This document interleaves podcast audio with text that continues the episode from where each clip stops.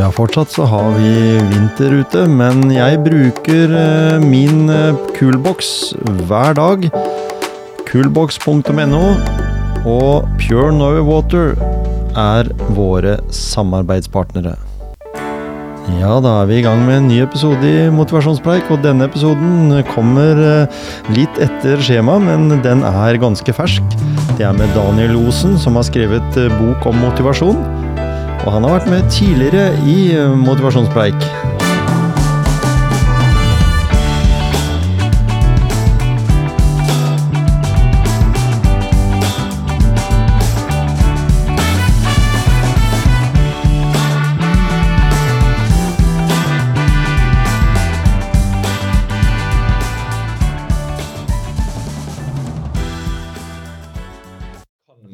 Skjule seg i den overvåkningsdigitaliserte verden vi, vi er i nå? Spørsmålstegn. Mm. Eh, og så er på det liksom svaret litt sånn nei i parentes, men likevel hvis man gjør noen lure ting. Og du så jo han eh, ah, Hva heter de der to som eh, eller Du skulle ikke sett alt, sa du, men de, de som eh, Oddbjørn Hjelmeset Ja, ja. Hjelmeset og, og han eh, Ja, jeg, jeg husker de, de gutta. Jeg kjenner, vet jo godt hvem de er. Jeg har, Ja, det med, har jo hatt med Hjelmeset i podkasten her også. Det er akkurat det jeg tenkte, Tenk, derfor, derfor, tenkte jeg på det. skjønner du? Fordi de var jo så kalde fisker at det er jo bare De gjorde jo det som jeg sjøl hadde tenkt og gjort. da. Eh, Så det var, var jo nesten kjedelig. sant? De driver og lurer oss, vet du. og det, det. Men resten av gjengen der de, altså Det ser jo ut som på TV som at vi plutselig får informasjon. Men jeg kan love én ting. Det var hardt arbeid. For Selv om man kan finne ut ting på sosiale medier og hvor de skal opptre, og, og sånne ting, Mm. så er det mange metoder å, lure oss på. Og, ja, det, var, det var hardt eh, etterforskningsarbeid, det kan jeg si. Ja. Og så får han en del lærdom, og så vil jeg tro at du får eh, snakka med folk som du eh, Som har en annen type erfaring. Og som du har sagt til meg tidligere òg, så, så sier du at du er jo en, en eh, voksen Altså du er voksnere enn eh, 1994-modell, for å si det sånn. Med både kompetansen du har tilegna deg på, på de åra du har holdt på, og så har du vært eh, sikkert eh, noe som jeg digger, det er å være nysgjerrig. Ja, Det er utrolig viktig, og jeg fikk høre det i en stilling eh, det, det, det, En stilling ble anbefalt. Jeg skal liksom ikke røpe helt hva, hva det er, for det, det er liksom en ting som er pågående ennå. da. Men det var sånn, i telefonsamtalen så sånn Ja, du er jo litt ung, da, og har gjort veldig mye. Og så sa jeg sånn OK, men eh, hva kan jeg gjøre med det? Så bare, Nei, jeg bare, sier, jeg bare sier at i forhold til konkurrentene dine, så er du litt ung. Ja. Og det kan, kan slå ut negativt. Mm. Men så har du òg gjort mye, så jeg må på en måte argumentere for hvorfor du skal inn her. Mm. Og så tenkte jeg sånn, ja ok, kult. Og, og da er det som du sier, hva er på en måte det gunstige her, da? Jo, det er jo å være nysgjerrig og åpen, og lærte jo masse av de som jeg var med på ja, innspilling på Jaget med, eh, politiet, Forsvaret. Jeg nevnte jo Jeg er ikke redd for å name-droppe, da. så nevnte jo han Christian Ytterbøl for deg. Han, Mm. skryter jeg over i hver podkast. Jeg tror folk begynner å bli lei av å høre det nesten. Men eh, han er en utrolig bra fyr. Jeg som heter Per F. Tang, snakket med på video um, eh, Mm. rett før jeg snakket med deg. Han er jo eh, gammel ringrev i mentaltrenermiljøet og politimiljøet. Sant? Så, og det å snakke med deg også. Sant? Altså det å Hjernesterk. Hjernesterk har du hørt på. Var du ikke innom der, da? Ja. Mm. Jo, jo.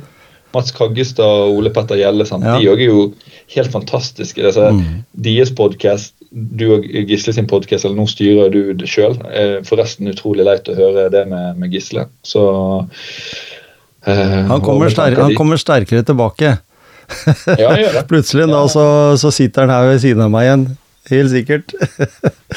Men vi sier da Jaget, et veldig ålreit TV-program som jeg kan anbefale mange hvis du har lyst til å ha litt eh, lettere underholdning. Og så sier du sjøl da at det var heftig mye arbeid, og det vil jeg tro. Hvis vi spør de som var med, så var det noen som var veldig lekne og, og, og hadde det gøy, mens det var andre som tok det dønn seriøst. Eh, Så tenker jeg vi er jo i en tid eh, der vi kan gjøre selvstendige valg. Eh, det er veldig fritt. Vi kan reise. Sånn som nå, så sitter jo du på et annet sted på planeten eh, enn akkurat i nærheten av meg. Eh, og det som, som er nå, er at verden har på en måte da krympa ganske mye. Det er lett lett å, se situasjoner fra krig og, og, og, elendighet. I hvert fall det som smeller, det er vi veldig opptatt av. Du med forsvarsbakgrunn òg, ikke sant. Den krig og, og flom og katastrofetenkinga vår. Den gjør noe med den underbevisstheten vår. Og, og, og, da er vi inne på et ord som både du og jeg er litt glad i, det med å være bevisst, eller bevissthet, da, hvis en skal si det på den ordentlige måte, awareness, som det heter på engelsk. Der er vi, tenker vi litt likt. Ja, vi hadde en sånn fin samtale før vi startet selve mm. podkast-samtalen. Mm. Eh, det er jo derfor vi begge to var bare sånn her, nå må vi bare komme i gang. ja. nå, nå, nå, snakker vi om så mye bra ting her at eh, hvorfor har ikke vi tatt opptak? Nemlig. Um, fordi jeg var med i en podkast nå i desember uh, hos en som heter Tine. Tina eller Tine. Uh, og da kom dette med bevissthet opp da også. da. Og mm.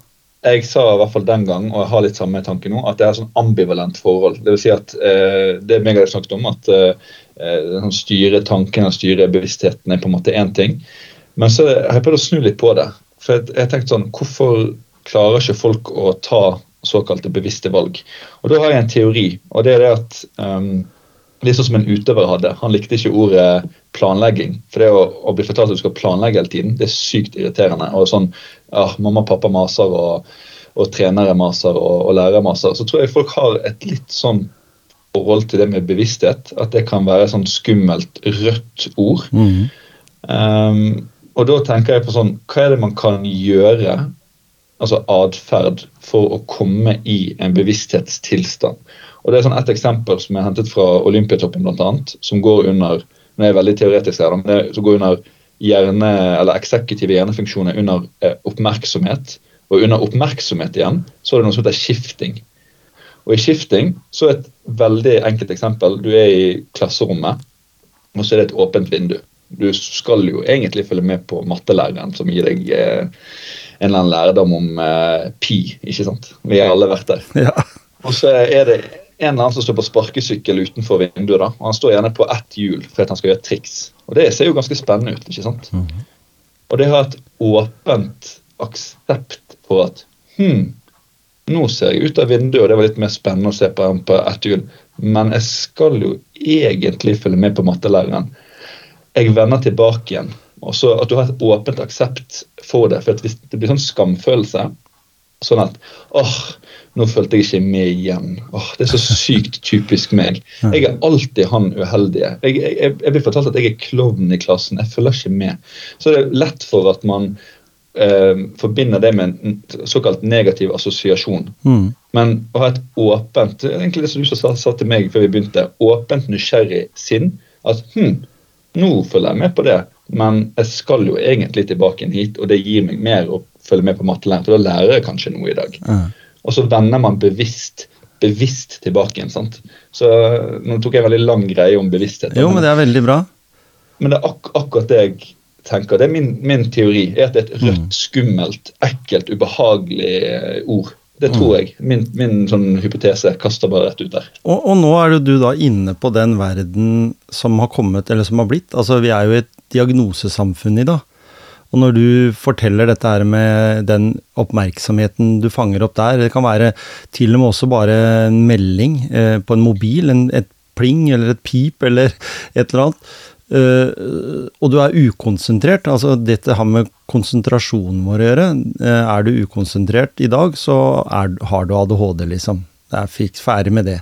Uh, men også blir vi bombardert av alle mulige påvirkninger. Det er jo forska på dette her, og det sier, viser seg jo at hvis du sitter og konsentrerer deg om og leser til en oppgave, og uh, mobiltelefonen din plinger, altså det kommer inn en SMS. Om du leser den eller ikke, så bruker hjernen din 20 minutter for å komme tilbake i den tilstanden du var når du satt og leste på den oppgaven. 20 minutter! Og enda mer på barn. altså barn hvis du tenker at du går i barneskolen. Og, og, og, da er vi inne på en problemstilling, eller en, en greie der, uh, for eller mot mobiltelefon i skolen, da. Eh, du, jo, du har jo rekt faktisk å, å, vokse opp, selv om du er ung, så har du rekt å vokse opp. Jeg husker jo i 94 fikk jeg min første håndholdte mobil. det året du blei født. ja, og, og, det er interessant, for at, eh, kort fortalt, ja. Jeg er jo i den eh, digitaliseringsgenerasjonen. Eh, eneste som jeg er glad for, da, og det er ikke som et forsvar, men det er bare sånn eneste jeg er glad for, er at jeg var på en måte akkurat i den eh, altså akkurat i den generasjonen der mobilen kom inn etter hvert som jeg ble eldre. Men han kom inn tidlig, men mm. etter hvert som ja, Fra jeg var 15 og oppover, da begynte det å komme skikkelig. da. Mm. Mens i dag så er man gjerne født med en iPad i hånden med en gang man kommer ut av den varme vulvaen til mor. Ja. Så er det liksom en eh, iPad og en Snapchat-selfie som venter, på en måte. da. Mm.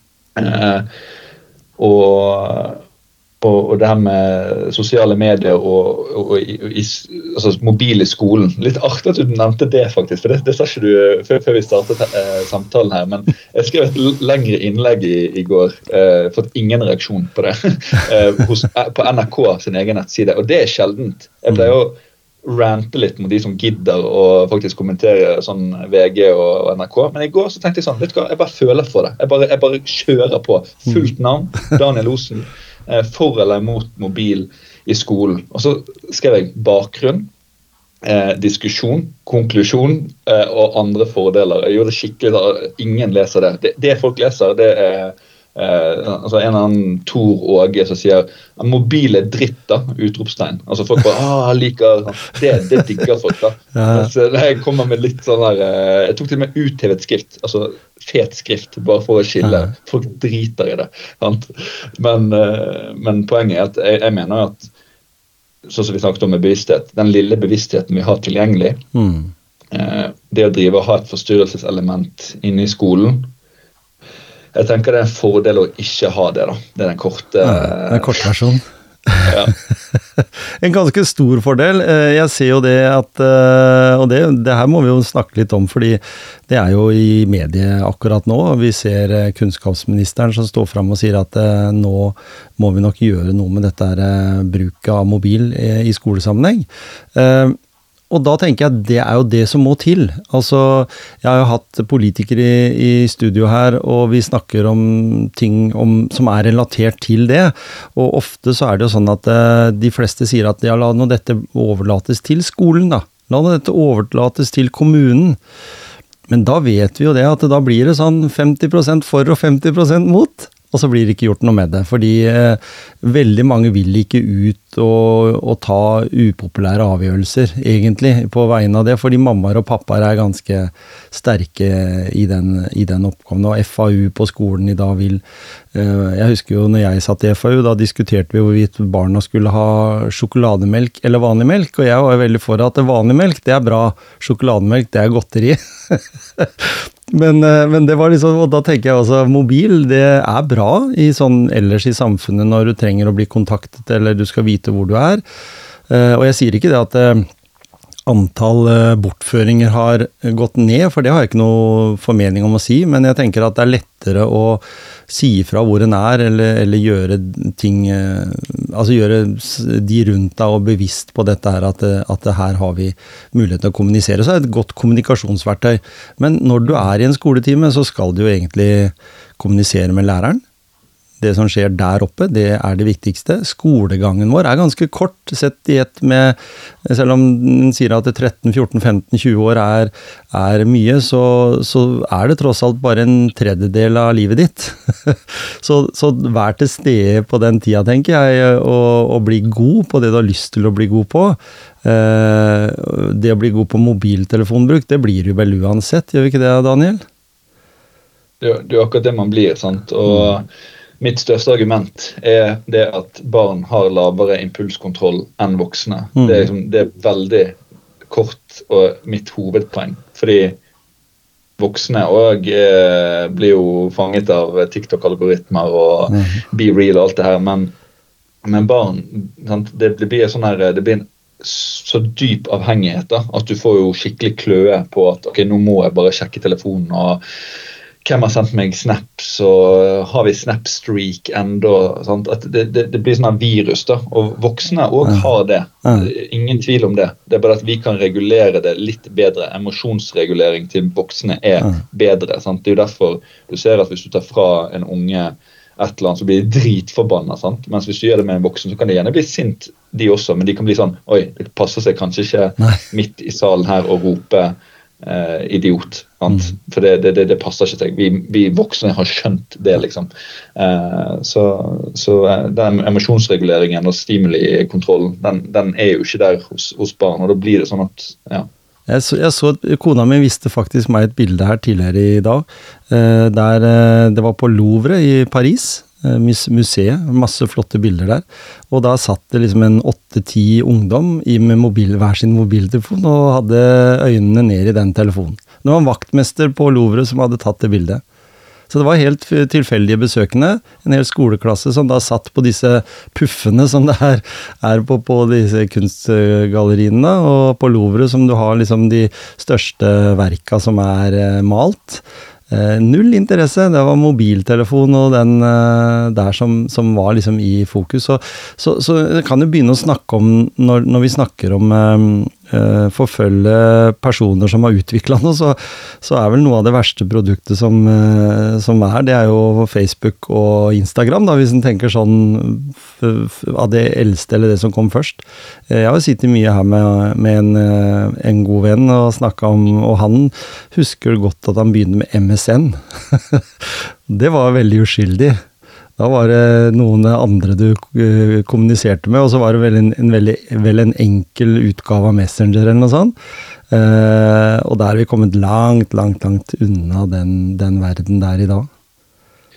Jeg husker jo, husker jo den perioden jeg også med MSN og, og, og, og den eh, Altså, du går fra én-til-én-kommunikasjon til én til mange, Mm. og at du får mange til én. Altså, Ja. alt, alt konsumeres av deg, av det som er der ute. og det er jo derfor jeg blir sånn Når jeg snakker med de som har Når jeg ser veldig ovenfra og ned ut, men de, de som har skjønt det, da, sånn som du òg har jo skjønt det der med sosiale medier og sånne ting, er jo det at må du se den nye retten som er blitt laget på Instagram Reels, eh, trenger du å vite at den lille vinkelen i trening gjør deg litt sterkere i triceps, på en måte. Har det så sykt mye utslagsgivende effekt for din prestasjon? Hvis du driver toppidrett og du trenger å vite hvordan drive best mulig plyometrisk trening, så selvfølgelig kan det Mm. være en video Mm. eller to eh, der ute som er ganske eh, pedagogisk. da. Det kan det være, og det er mye bra også. sant? Jeg liker liksom fokus på at det er mye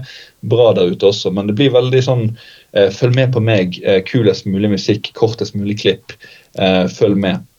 Eh, mange har jo argumentert for at vi har kortere oppmerksomhetsvindu enn vi hadde før. Der har jeg sett på noe forskning, og det stemmer ikke helt overens. Altså, mennesker, Det krever lang tid. Det krever flere, det flere hundre år eller 50 år eller et eller annet for at vi skal faktisk endre altså oppmerksomhetsvindu i hjernen. Men det handler på en måte om hvor godt trent du er. da. Mm. Det vi snakket om tidligere. at eh, hvor, hvor lenge om gangen klarer du å gjøre en oppgave? Så vet vi det her med eksempel 40 minutter på 10 minutter av. altså Det er sånne, sånne tall. sånt 50 minutter på 10 minutter av. At man har en liten pause. og Det er bare sunt. Mm. Det er bare fint å gjøre. Det òg eh, vet jo man at hjernen trenger en liten pause før du kommer på igjen. på en Mm. måte da.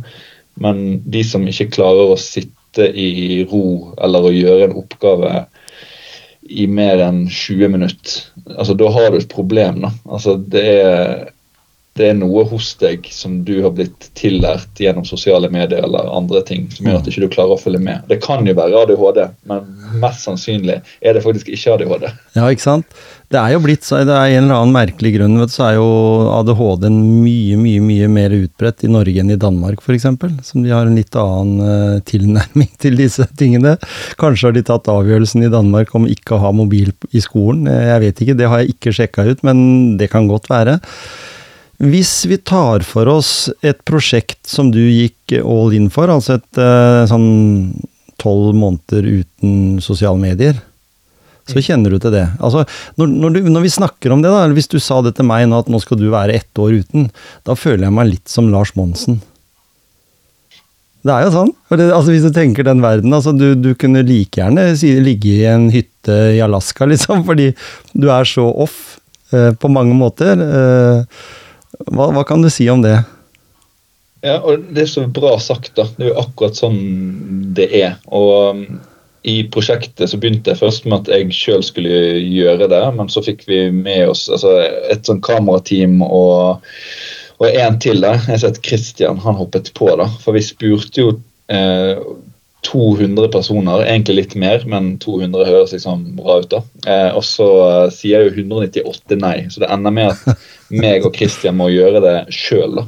Mm. Eh, noe som er sykt teit, egentlig. For da blir ikke det en ordentlig studie av det. Men da blir vi liksom enige om at ok, det blir ikke en ordentlig studie, la oss lage et eksperiment ut av det. Bare sånn, mm. ha det litt gøy med det. Sant? Og så fikk vi med oss eh, Jeg ringte til en som heter Trond, som er direktør i Helse SIO, altså Studentsamskipnaden Oslo.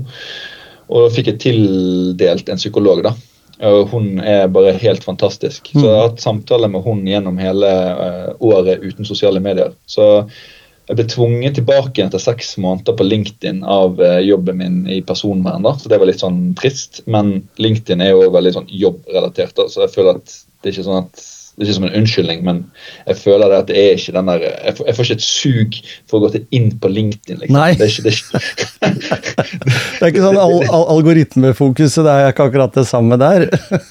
Nei, det er ikke det. Um, og, og, så ble jeg intervjuet av Bergens Tidende, så det er veldig kult. Uh, snakket, fikk, liksom, fikk brettet ut tankene mine om det. da. Mm. Og um, den følelsen som du sa, Lars Monsen, man er på en eh, øde øy, på en måte. Og da sa jeg til hun psykologen at eh, vi må huske at det er jeg som har meldt meg ut fra samfunnet. og fra tilbake i tiden, Hvis du var ute av flokken, så betydde det døden. Mm. Og Hva kan man oversette det til i dagens samfunn? Jo, når jeg meldte meg ut av sosiale medier, så er det mindre kontakt med venner. Så da skal jo man på en måte dø. Sant? Men så har jo jeg selvfølgelig mat og tak over hodet, så det går jo fint. Aha. Men eh, jeg holdt dialogen med kanskje de fem nærmeste vennene jeg har. fordi at mm. de, eh, og jeg òg, ble flink til å sende SMS og ringe på vanlige telefoner.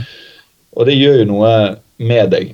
Det det mer personlig. Kvaliteten i eh, heter, nærkontaktene var mm. høy. Mm. Eh, og da er spørsmålet trenger man egentlig absolutt alle rundt seg. Altså, det er jo fint å, å, å prate med deg, eh, Tom Kjetil, sant? og folk som faktisk har eh, litt eh, tanker for seg sjøl og ambisjoner og sånne ting. Men det er veldig mange andre som er sånn du vet sånne slibere som bare slenger inn et eller annet i, i DM-en din, eller bare sånn blunke-emoji, eller Forresten, jeg var på Jaget. Dette er jo som jeg skryter av meg sjøl, men er det på ingen måte.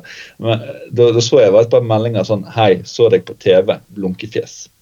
Og så, og så tenkte jeg sånn dette her er jo veldig meg. da, jeg bare sånn, Hva skal jeg med den meldingen? Altså, hva, skal, skal, jeg si sånn ja? Mm -hmm. Jeg skulle bare si sånn liksom prikk, prikk, prikk? Altså, hva, hva gjør man med det? sånn? -huh. uh, så uten sosiale medier, til å begynne med, så var det akkurat som at nervesystemet mitt trodde at jeg hadde sosiale medier ennå. Det vil si at eh, jeg hadde jo ikke Snapchat eller ingenting, men kroppen min trodde at jeg hadde det. Så det jeg gjorde, var at jeg tok opp telefonen og så bare sånn Å ja, nei, stemmer, jeg har ikke sosiale medier. Og så sjekker man VG, man tenker litt, klør seg litt i nesen, og så bare sånn Ja, OK. Å nei, stemmer, jeg har ikke sosiale medier. Nei, stemmer. ja. Så de, de gikk kanskje to uker, da. Det mener jeg helt oppriktig. Cirka to uker. Mm. Og så eh, var kroppen vant til at jeg har ikke sosiale medier. Det viser bare hvor mye en vane er bygd inn i oss. da. Mm. Og når, og når, du sier det, så er jo dette et avhengighets... Det er jo en avhengighetsgreie som er helt uh, legitimt og lov. Altså det er jo store multiselskaper som tjener milliarder av kroner for, for å påvirke oss til å, nettopp ta den kikken på, på mobilen. Og, og, jeg må innrømme sjøl at jeg har uh, For at ikke jeg For jeg har sikkert de bokstavene da, som ikke alle har men som jeg kanskje har. Jeg tror i hvert fall det, fordi jeg har en datter som har fått diagnosen, og det er alltid arvelig. Og det er definitivt ikke hun jeg er gift med som eh, har det. Så da må det være meg. Eh, samme av det. Eh, I hvert fall så har jeg aldri meldinger. Altså, jeg har vibrasjon på ringing, og så har jeg ikke noen meldingstoner eller noen ting. Det syns jeg passer bra i den jobben jeg har òg, fordi jeg liker å ha mobilen med meg. Bruker den som et verktøy, men, men, eh, alle disse her varslingene de er eh, stumme, da. Og, og, det er veldig beroligende for meg. Men jeg må også innrømme at i starten, når jeg ikke hadde slått av de, eh, så bare overgangen fra å slå det av, det var, det var litt sånn abstinenser. Jeg fikk liksom litt sug. Det var liksom sånn Er det noe gærent? Eller er det noe sånn at uh, hvorfor uh, For Gisle også, nemlig. Det må jeg si, Gisle. Du har jo sagt jeg kunne si dette her. Du har meldt deg ut av, av sosiale medier, så Gisle har også gjort det. Han er på Snap nå, da, til noen utvalgte.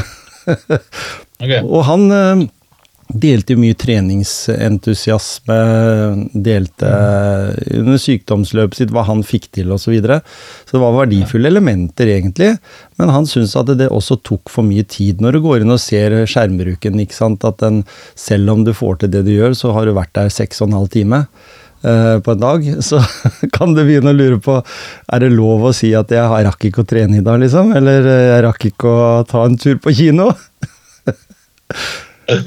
Hva tenker du om det? Tror, tror du at vi er veldig sånn eh, Det er som jeg sier, jeg sammenligna deg da med Lars Monsen når du gjør en sånn bragd. Et år eh, vekk fra de betydningsfulle kanalene. Ehm, tenker du det i dag at du Jeg blir litt stolt av å snakke med deg, da, for jeg kjenner en som har vært vekk fra sosiale medier, og så tenker jeg sjøl at ja, faen jeg har lyst til å trappe ned, jeg også, for jeg vet at det, det blir litt hekta. Og så bruker jeg det til å markedsføre podkast, og det er liksom noen kanaler jeg tenker at det, der når jeg noen hundre mennesker som kanskje gir meg flere lyttere, bare. Og, og, og, akkurat det der er viktig med nyanse, da. For jeg, jeg, jeg er er veldig sånn rett frem, da. Så når jeg fikk noen meldinger og jeg, jeg tror jeg kan bli nå når jeg er tilbake igjen, eller prøver å komme litt sånn tilbake på sosiale medier med litt markedsføring og sånne ting så merker jeg at jeg blir sliten, mye fortere sliten av å bruke det også. Mm. Eh, for jeg gikk jo fra Jeg hadde en skamfølelse, apropos det med skamfølelse. Jeg hadde den når det gjaldt skjermtid. Eh, fire mm. til seks timer hadde jeg da, i snitt. Og jeg trodde det var helt sinnssykt. Og så hørte jeg at folk bare sånn Hæ, fire til seks timer? Jeg har liksom seks til ti timer. Og jeg bare, ok. Men jeg syns det er viktig å kalle en spade for en spade, så jeg har jo sagt at jeg er avhengig. Og det er veldig mange andre òg. Men folk mm. sier til meg sånn Nei, men jeg, jeg er ikke det. Sånn, ok, Men du driver liksom og sjekker hele tiden. sant? Altså, Vi er, vi er alle avhengige. Mm. Men du fikk et spørsmål sånn eh, Hvorfor gikk du av sosiale medier, eller hva tenker du Hva tenker om sosiale medier nå når du er tilbake igjen? Og Da var jeg utrolig direkte, og så støtter, støtter jeg det du som er markedsføring. Jeg, jeg skrev en sånn setning at min erfaring er at sosiale medier er, er tilbakestående, det er uintelligent og egentlig bare dritt. Men for markedsføring er det sykt bra. Mm, ja, ikke sant? så liksom, jeg, bare, jeg, jeg bare var rett fremme. Så sånn, det er mm. det jeg føler, mm. uh, uten filter. Bare sånn, det, det, er dritt, men for markedsføring ja. er det gull. Eh, og at du får ut podkasten som jeg utelukkende ser på som en sunn ting. Det å prate om sårbare ting, sosiale medier, politikere du tar inn, det er kjempeviktig for samfunnet. Mm. At man får høre stemmen til de som er folkevalgt. Eh, så tenker jeg at markedsføring er det, det, det er på en måte for gull. Men hvis du på en måte skal bli sånn her, eh, at du må poste f.eks. ti ganger hver dag, eller hva er de sier, seks ganger om dagen og sånne ting, ja. da tror jeg det kan bli slitsomt for, for deg også. sant? Så spørsmålet er jo, sånn som du sa, har du vært seks timer på skjerm, og så sier du nei til å gå på kafé med meg, ja. da, da, har du et problem. Ja, ikke sant? absolutt enig med deg der, Daniel. Eh, jeg må nødt til å spørre om en ting. Eh, vi skal ta noen spørsmål også som vi har eh, vært litt Ikke snakke om, men som vi har sendt litt meldinger til hverandre. Men jeg ser det at du må ha et forhold til løping, fordi jeg fant plutselig ut at du har noen aksjer, du, i Run Again. Ja, ja. Har du sett det? Ja. Og jeg har, en, jeg har, en, kompis som heter Joakim, som er også veldig aktiv i Run Again. Som har vært med i podkasten noen ganger òg.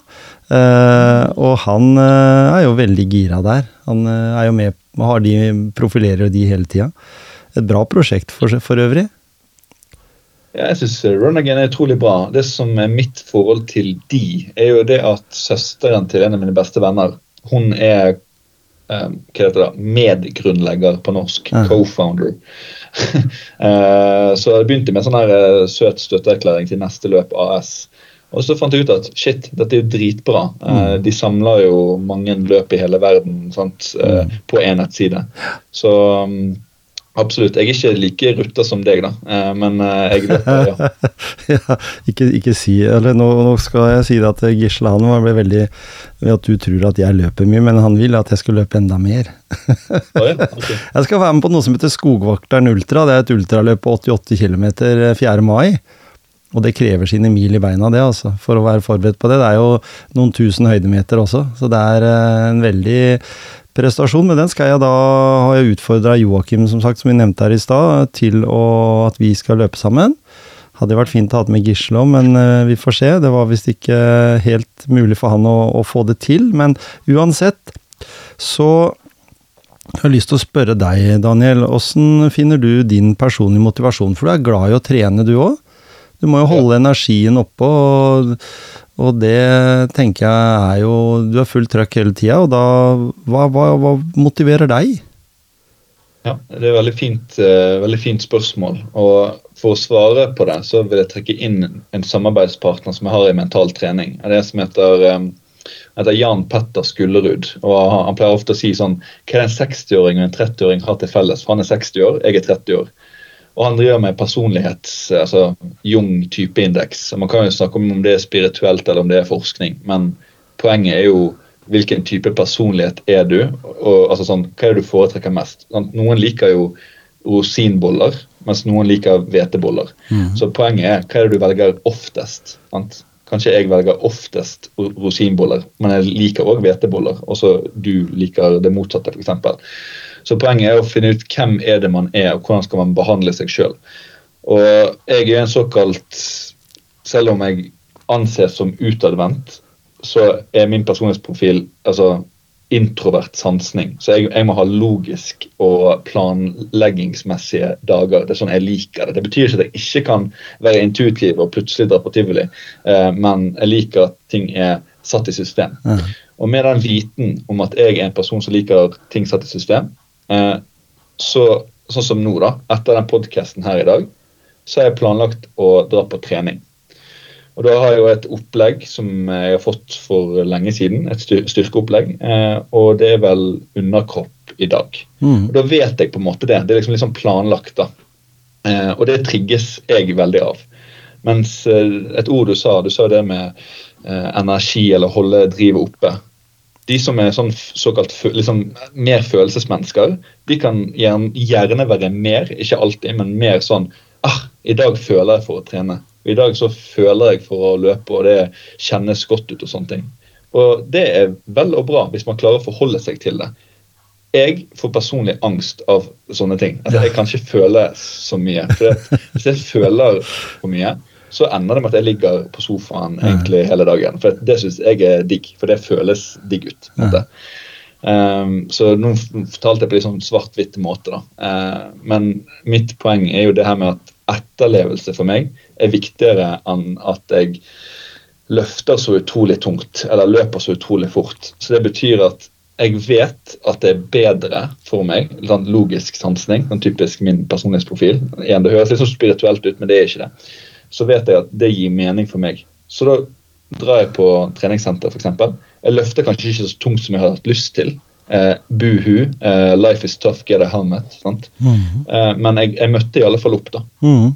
Og da er for, forholdstallet mellom null og én det at ikke møte opp eller møte opp. Mm. Og da er det alltids bedre å, å gjøre noe enn ingenting. Mm. Så det som driver meg når du spør meg om motivasjonen min, det er faktisk at det at jeg vet at det hjelper meg. Og det minner meg om Jeg får litt sånn frysninger nå når jeg sier det, men han, eh, idrettspsykologen på Olympiatoppen han sa mental trening handler ikke om å, å, vite hva du skal gjøre, men å gjøre det du vet. Mm. Så han legger fokus på gjøre, og ikke å vite og tenke og føle så mye, men gjør det du vet. Mm. Og jeg vet at det hjelper meg, og derfor gjør jeg det. Så ja. Men det er jo en, en god måte å, å, å tenke på, og jeg, og jeg, vet jo det også, eller det er jo forskere som har sagt dette, at eh, vi har jo bare to tilstander. Bevisst og bevisstløs. Ja, den er fin. Ikke sant? Det er jo litt sånn. Eh, og da kan jo noen si dette her med å ha vært utro og komme til kona og si at jeg eh, må bare beklage at jeg var utro, fordi, men jeg var helt borte vekk. Altså enten så er det bevisst, eller så er det bevisstløs. Men det, er, det, blir en litt annen retning å gå. Eh, men det er, det er faktisk sånn. Og det er sånn vi snakker om kjønn nå, ikke sant. Vi har kun to kjønn hvis en tenker biologisk sett. Altså hvis vi tar biologiske utgangspunkt, som er noe av det enkleste å gjøre, for det er det forska mye på, så har vi bare to, liksom. Og så skal ikke vi ha den debatten, for jeg kjenner mange flotte mennesker som, som på en måte er midt imellom og, og litt på begge sider. Så, så sånn sett så, så, så, vil jeg si at eh, Men i utgangspunktet, da, hvis vi skal, hvis vi skal rettferdiggjøre uttalelser fra de som forsker på dette her, så skjønner jeg de òg. Mm, ja, ja. Og mm. Jeg er helt enig med deg. Jeg har jo sagt det tidligere, jeg er ikke redd for å si det. Altså, Jeg mener det er to kjønn, eh, men jeg har respekt for at det mm, finnes eh, andre Ikke sant? Altså, så det går helt fint. Og jeg tenker at det er en grunn til at hvis du ser på NIH, Norges idrettshøgskole sin forskning akkurat nå, så er det urinveisinfeksjoner, det er menstruasjonssyklus og hormoner det går i. Altså, mm. det, er god, det, er en god ting, for da er det fokus på kvinnehelse. Eh, nummer to eksempel. Jeg tror det er Østra sitt fotballandslag de er 21 ulike treningsprogram for de alle 21 ulike spillerne. Hvorfor det? Jo, mm. fordi de er i ulik fase i syklusen sin. Mm. Eh, og Da begynner vi å snakke om eh, individuell, individuell, individuell tilpasset trening for, eh, for, kvinner. Og det er en veldig god ting. Mm. Og det og det er faktisk forska på det for mange år siden. Så husker jeg det var Middlesbrough, fotballaget borte i England, som ansatte en del fysiske trenere nettopp for å uh, gi den forskjellige Altså du skulle ha en annen type trening, tilnærming til trening hvis du var spiss i forhold til hvis du var en forsvarsspiller. Mens i Norge, da, så må jeg innrømme, jeg har spilt fotball i mange år sjøl, og jeg vet jo det at der er det helt likt. Lik trening.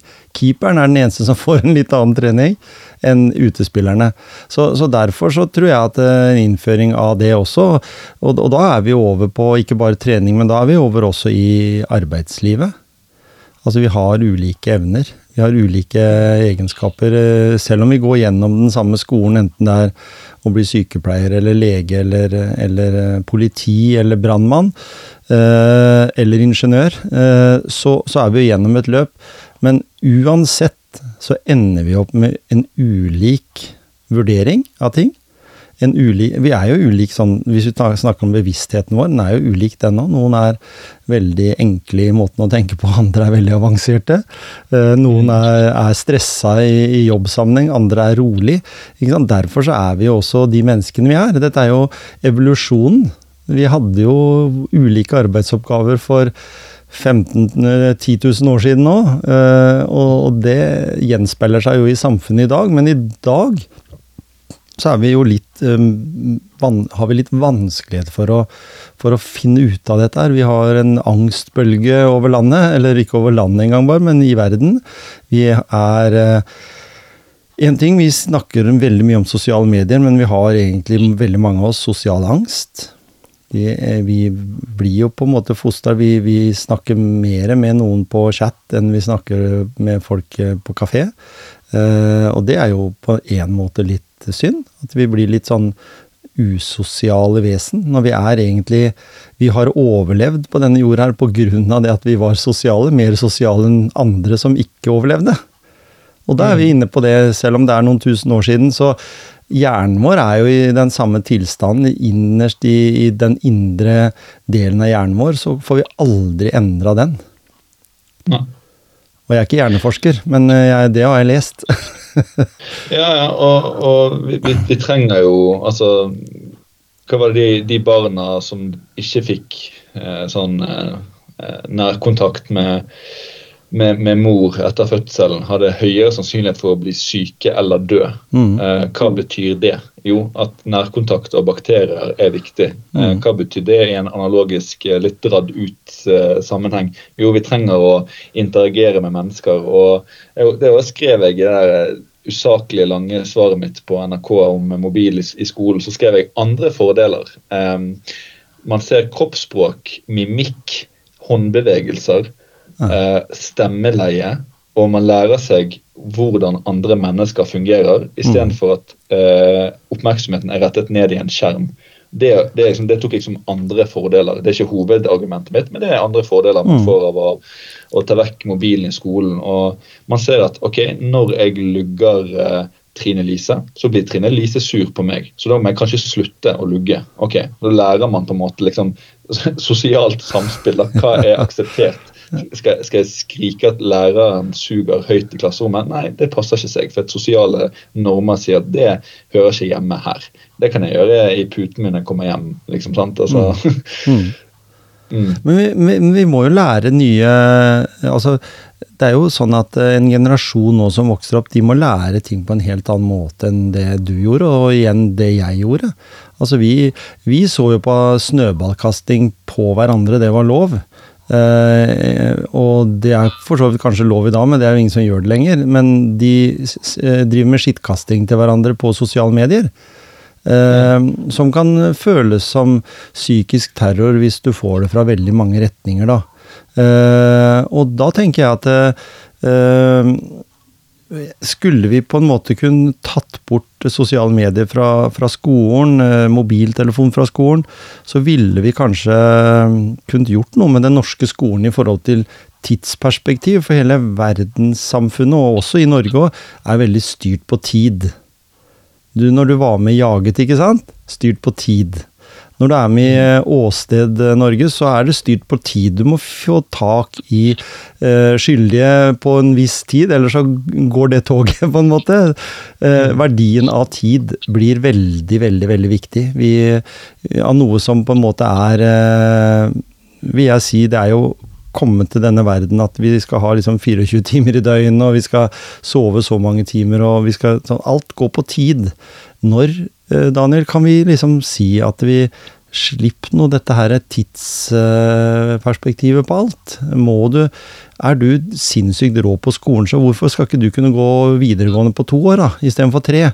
Eller hvorfor skal du ikke kunne ta en høyskoleutdanning på ett og et halvt år, så er det jo innlemna da tid i forhold til at du skal ha to måneders ferie, og så skal du eh, Ja, det er, så, det er veldig mye sånt. Samfunnet i dag må jo liksom Så skal du ha vinterferie, høstferie, juleferie, og du skal si at så der røyk det plutselig liksom en tredjedel av det året til bare ferie. Og jeg er jo dønn motivert for å gjøre meg ferdig med skolen nå!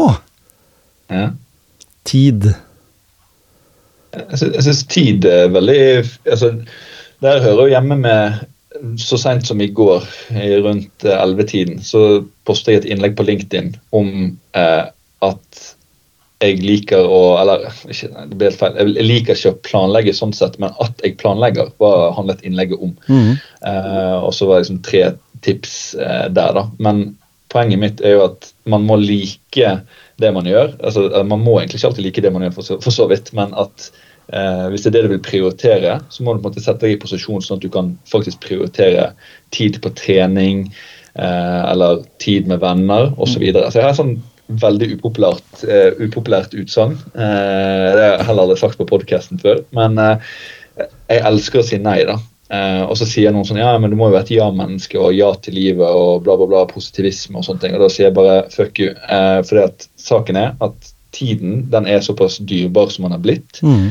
Og jeg liker jo for å ha farger. da, Fargelagt kalendere og sånne ting. Så jeg tok et tips i går med eksempel, om noen liker Google Calendar eller WeekCal, som bare er en app som jeg bruker. Og da har eksempel Tom Kjetil du har fargen gul, for jeg syns gul er en fin farge. Podcast, god følelse, gul. Ok, Og så er det trening, som er kanskje fargen eh, grå. For det er noe jeg gjør hele tiden. og Det, det gir meg mye glede der og da, men det er noe, det er noe jeg vanligvis gjør. Så jeg gir det liksom fargekoder. da. Eh, og med utsagnet 'jeg elsker å si nei'. For vi må huske at hver gang du sier nei til noe, så sier du ja til noe annet. Mm. Så det jeg sier ja til, det er utdanningen jeg holder på med, det er utøveren jeg snakker med. Jeg uh, har snakket nettopp med en håndballspiller nå i dag tidlig. Måtte stå opp ekstra tidlig fordi han har kamp i dag. ikke sant? Mm. Eh, og det gir meg noe. da, det er sånn, yeah, liksom, shit, liksom, Nå er jeg med på en reise, med på toget som kjører. sant? Og det, jeg har jo sagt nei til andre ting for å få plass til det. Eh, jobbet ikke seint i går med skoleoppgave. Ville legge meg tidlig for å være klar i dag tidlig. Sant? For å være klar i hodet. Og Da snakker vi om at når man sier nei til noe, så sier man ja til noe annet. Mm. Eneste er jo at det kan virke litt eh, rått. Sant? For det kan bli sånn det Noen tenker at det er personlig, sant. Jeg er jo personlighetsmessig sånn at hvis jeg Jeg blir jo 30 i år, da. Og hvis jeg har invitert mange til en 30-årsdag eh, Det har ikke jeg gjort, da, for så vidt, men eh, hvis jeg har gjort det, og så kommer ikke Robin eller Trine Lise, så tenker jeg bare sånn OK, eh, liksom livet skjer, det går fint, jeg tenker ikke over det. Men så har jeg møtt andre folk som er sånn Å ja, du vil ikke komme til min 30-årsdag? Ja, mm, nei, men da kommer ikke du til min 31-årsdag. Og så ble jeg sånn Ok, det, det var jo det, Wow, det, det, var jo kjipt å høre, og det var jo ikke meningen, men jeg kan liksom ikke ja. Men personlig så er jeg sånn Ok, Tom Kjetil han kommer ikke, men jeg inviterer til 31-årsdagen min uansett, for han er vennen min. Så jeg, jeg har litt Sikkert usunt også, da, men på en sunn måte så er jeg litt avstand til eh, følelsene mine på den måten. At jeg, mm. jeg, jeg måte um, kjører mitt løp uansett. Også de som henger med, henger med, og de som ikke henger med, henger ikke med. Men mm. igjen, det som er det negative med det, det kan bli litt rått, og det kan bli litt følelsesløst. Så jeg må være bevisst på mine svakheter og min eh, akilleshæl, og det er veldig viktig å være bevisst på. da. Eh, samtidig så gir det meg mye glede, for da kan jeg si ja til eh, ting jeg digger. Da. Ja. Og, så, tenker jeg liksom sånn i bakgrunnen der, du, som jeg ser deg nå når du snakker om det òg, eh, blir litt stolt av å stå for noe du på en måte innerst inne mener, da. Ja. Stemmer det? Ja, det er veldig fin analyse. for jeg, jeg blir jo giret av å snakke om det, og tid det er noe som betyr mye for meg. Det er nesten så det får sånn, nesten sånn boblende følelse av at jeg har begynner å grine nå. liksom, for det betyr så utrolig mye for meg da, å gjøre mm. Eh, ja, ting jeg er glad i, men så må jeg òg forstå at jeg må bruke tid med tante og onkel, og mm. jeg må reise hjem av og til. sant? Og, men det òg er jo glede. Det gir meg masse glede. sant? Mm. Eh, men hvis jeg skal si ja til alt hele tiden, så, så, blir man veldig sliten. Jeg har en teori om at det er derfor jeg ikke har møtt den såkalte eh, veggen ennå. Eh, noen ganger har jeg presset meg opp til der jeg kjente at jeg ble fysisk jeg ble kvalm. da, for jeg har hatt så mye å gjøre at jeg blir sånn Oi, shit, mm. liksom. Nå, eh, du svetter, får ikke sove, og du kaster opp. sant? Eh, men, men, jeg har aldri på en måte kommet sånn at jeg har møtt den veggen, og så har jeg bare eh, dødd sakte, men sikkert. Eh, det kommer kanskje en gang, og jeg, jeg, er veldig åpen for at oh, det, kan, det, kan, skje. Litt sånn åpen nysgjerrig. Oh, det kan komme, komme, den dagen det treffer veggen. Det blir vondt og spennende og jævlig, sikkert. Eh, men ved å si nei, da, så tillater jeg meg sjøl å trene, sove og, og, spise noenlunde ok. Sånt. Jeg har jo faste måltider, på en måte. Og, ja. mm. men, men, er det, er det Ja, det er veldig bra at du liker å gå på N-vitamin, er det ikke det du sier? da? Nei, nei-vitamin. ja, det, det, ja, det er nesten sånn Jeg hørte det var en som sa det. At det, en, der har du N-vitamin der. ja, det, ja, det, her, det er jo ja, det er sikkert eh, N-vitaminen min sånn egentlig. Det her, sånn så, apropos det vi snakker om kunnskap og sånt, da, mm. så vet jo vi at det er mørke måneder i, i Norge. Eh, det er det for så vidt her i London også, men det er litt lysere enn i Norge. da. Men mm. vi, vet, vi vet av forskning at alle måneder med bokstaven R i seg, så bør du ta tilskudd av vitamin D. Fordi at når vi ikke får så mye sol, så blir vi oftere, ikke alltid, men oftere mer deprimert og litt lei oss og litt sånn åh, Livet er tungt, liksom. sant? Uh, og det er ikke sånn at Vitamin D gjør at du alt blir bra, liksom. men vitamin D gjør at det blir lettere for deg til å ta de valgene. Da. At du ok, Du får den lille energien ekstra til å faktisk gå på gymmen etter uh, jobb. da, for mm, mm. Så vitamin D er kanskje min nei-vitamin. Ja, ikke sant? Okay, Da har jeg overskudd til å Hva bør jeg bruke tiden min på? Mm. Jo, podkast med Tom Kjetil. Det er mm. viktig, for det er, liksom en god kunnskapskanal. Og så er det Jeg fikk et spørsmål her forleden faktisk om å være med i et større prosjekt angående en bok da, som var veldig kult. Men jeg ser jo det at jeg har to studier og to jobber akkurat nå. Så jeg sa det at beklager, det kan jeg ikke gjøre. Altså det, det kan jeg ikke. For jeg vet at da skyter jeg meg sjøl i foten. Liksom. Det kan jeg ikke gjøre. men, men sitter, den, sitter inni der uh, allikevel. Du tenker jo på det. Altså, du prøver å finne en liten luke i den tidstabellen uh, som ikke er der. Men jeg, jeg, har lyst til å utfordre deg om en ting. Dette har jo ikke jeg nevnt, uh, eller det har jo ikke snakket om på forhånd. Uh, dette med ego. Eh, jeg har snakka med andre som jeg har hatt med i podkasten, og da har vi snakka om dette med hvor viktig det er først Altså, du kan ikke gi av deg selv før du tenker på deg sjøl. Men så vil mange si det at eh, da virker du som at du er egoistisk, da. Jeg snakker jo ikke om egoisme som en sånn eh, ekkel ting, men vi snakker om ego, som egentlig er liksom deg. Det er den du er. Eh, på godt og vondt. Eh, og, og, så kan noen si at ja, han der er en skikkelig egoist, men det er ikke det jeg vil fram til. Jeg vil tenke på hva tenker du om egoet ditt? uh, som en sånn særenger. For det er hvis vi, hvis vi, har x antall milliarder mennesker på denne jorda, så er det faktisk ingen der som er helt like. Du er du, og jeg er meg. ja, og jeg syns det er veldig fint at du tar det opp, for det er nesten sånn eh, Jeg har ikke blitt kalt det ofte, men det var en nær meg som sa det for ikke så lenge siden. Det var faktisk onkelen min. Og da sa han det at eh, du han, han liksom, jeg, jeg, husker da han sa det, så ble jeg sånn wow, jeg ble nesten liksom tatt på sengen. Sånn, sa, du er litt uh, egoistisk, du. Og så var det helt stille. For Jeg har jo liksom lært det med Forsvaret med tilbakemeldinger og være takknemlig for tilbakemeldingene. Så liksom jeg lurte på hva, hva som kommer videre nå. Og så var det helt stille. Og sånn, Men jeg tror at du trenger det. Og så jeg sånn så sitter jeg og tenker hva, hva, hva er det han snakker om? på en måte? Sånn at, nei, For jeg ser at du tar liksom valg som, som uh, gir deg et overskudd. Og når du får overskudd, så evner du å gi til andre. Mm. Men hvis du ikke uh, får på en måte hvert ego og vært i din lille Daniel-boble, så, så, melder du deg på en måte litt ut. Altså Da, uh, er ikke du på en måte helt med. Nei. Så jeg tror du trenger på en måte å få litt sånn utløp for dine ambisjoner og hva du har lyst til. Eh, for da merker jeg jo at du er mer til stede, og du kan gi mer av deg sjøl. Mm.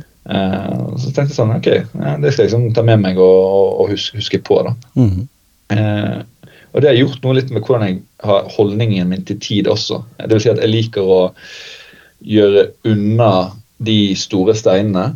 Eh, sånn at ikke det sitter og grubler inn i hodet. Sant? Så er du liksom på familieselskap og så sitter du og tenker sånn Hvorfor har ikke jeg svart på den mailen? Sant? Eh, hva skal jeg eh, gjøre klart av utstyr før den Spania-turen med toppidrettsgymnaset som jeg skal være med på? Sant? Altså Du som du bare er helt annet sted. da.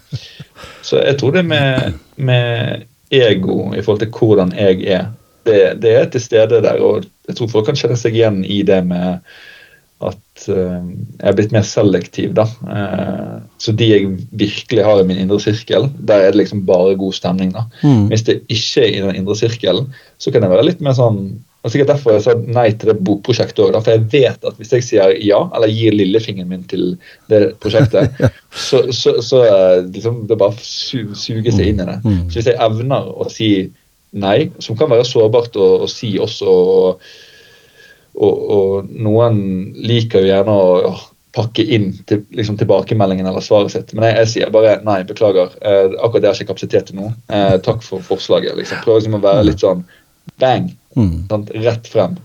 Det, det, er, det, er, veldig klokt, da, fordi jeg tenker at mange, og det har jo du sagt litt tidligere også, men eh, mange 1994-modeller er jo kanskje ikke så reflektert da, som du er.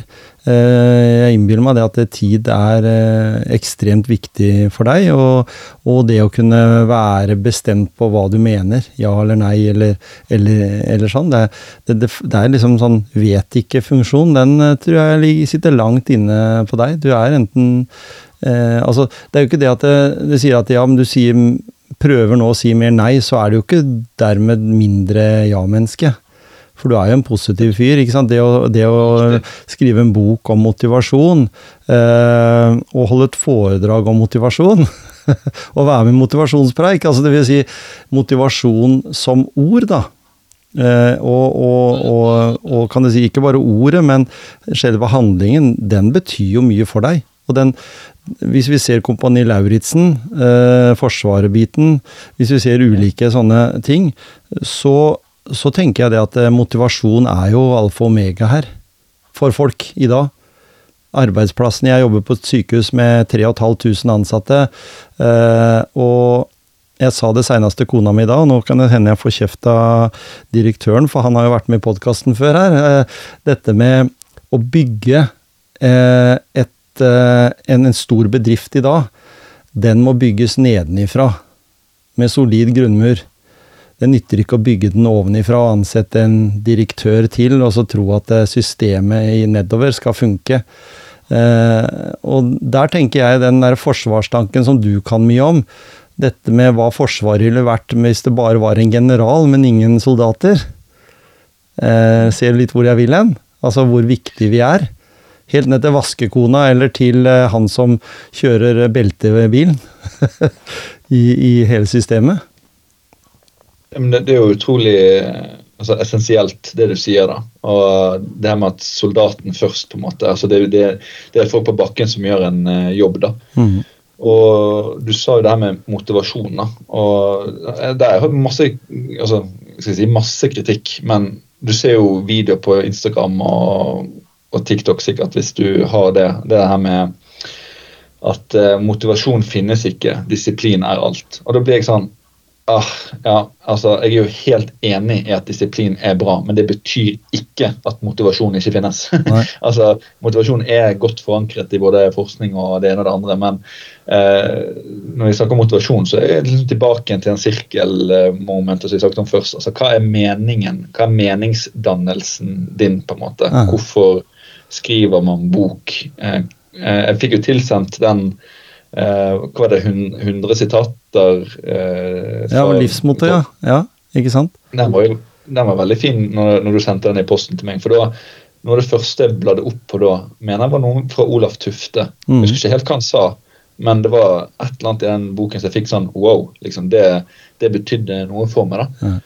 Uh, og da satt jeg og tenkte, Hvorfor skriver jeg egentlig denne boken? her? Jo, jeg er jo et godt nettverk med folk som eh, både støtter meg, men også som er er direkte altså, som tør å gi tilbakemelding for at jeg skal bli bedre. Og Det er jo derfor jeg er så opptatt av det med tilbakemeldinger og det jeg har lært fra Forsvaret, med at eh, folk vil deg som regel vel. Hvis du går rundt og tror at folk vil deg vondt fordi at han og hun mener ditt og datt om deg, så liksom, ok, adresser det, da. Eh, du, jeg hørte liksom at du sa det. Eh, hva mener du egentlig med det? Litt sånn åpen, nysgjerrig, boksende, sparrende eh, miljø da, for mm. utvikling. Mm. Men hvis argumentet til den andre er sånn Nei, du eh, er jo bare lat og stygg og ekkel. Så blir det på en måte sånn Ok, hvor mye validitet skal du legge i den tilbakemeldingen? Det er jo på en måte bare jeg får, Ja, jeg kan ta meg en dusj, det er noe jeg kan gjøre med det, men ellers så får ikke jeg på en måte gjort så mye, så, så mye med den tilbakemeldingen. Sant? Vær liksom konkret. Når du, så opplevde jeg og det resulterte i at en Veldig sånn systematisk mm. tilbakemelding. Mm. Sånn, kultur, sånn Jo Haris vindu og dette her. Um, men, men, vil du si det, Daniel, at hvis vi, hvis vi tok for oss da, da Kompani Lauritzen Mm. Måten de eh, framstiller Forsvaret der, er jo eh, Den er kanskje litt mykere i kanten, etter hva jeg husker, i hvert fall, når jeg var i militæret på 80-tallet. Eh, da var jo den kalde krigen som var verstingen, eh, og, og, Sovjetunionen. Men, men, i hvert fall eh, Jeg husker vi hadde sinnssykt respekt for eh, han som var kompanisjefen min, Robert Mood, den gangen, oppe i Troms. Ja. og det var ganske sterkt. Jeg har snakka med Robert etter det. Og jeg husker så godt at uh, Og det, jeg beklager det, Robert, hvis du ikke ville at jeg skulle si det til noen, men han sa til meg at det var to typer soldater han gjerne Og nå, nå, nå, er jo ikke, nå hører vi det på din dialekt, at ikke du kommer fra de to områdene her, men det var to uh, deler av Norge de gjerne ville ha som soldater, og det var telemarkinger, og det var trøndere. I hvert fall i Nord-Norge, for de kunne stort sett så gikk de fleste greit på ski.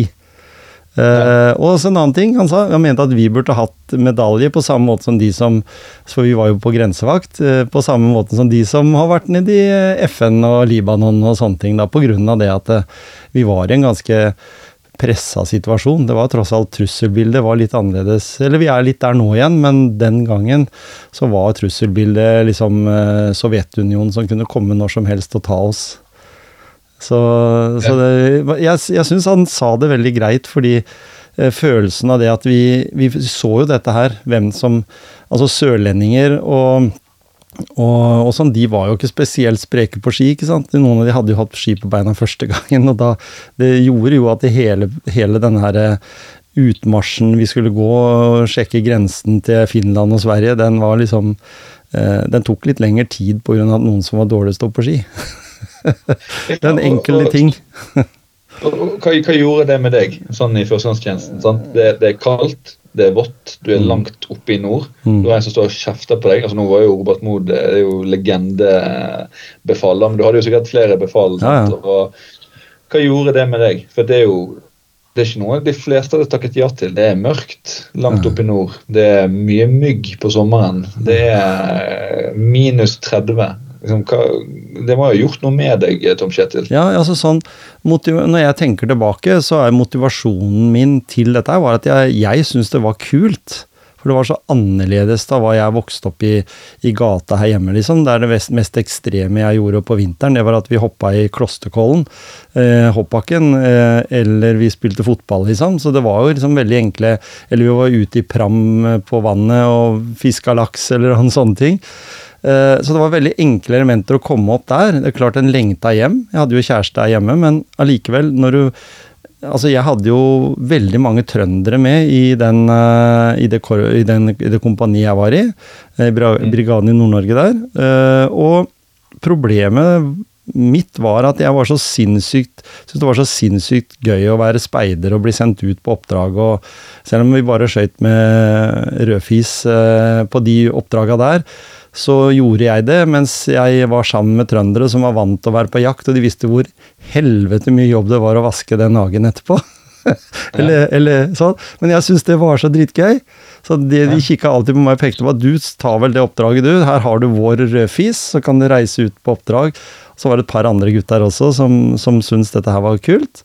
Uh, og det var Jeg får liksom litt sånn adrenalin jeg snakker om det den dag i dag. Enda det er jo ja, lenge før, ikke lenge før, men det er en god del år før du blei født. Så hvis en tenker det mm. perspektivet der, så, så, var det en annen verden, en annen tilstand. Vi hadde utstyr som var fra etter krigen.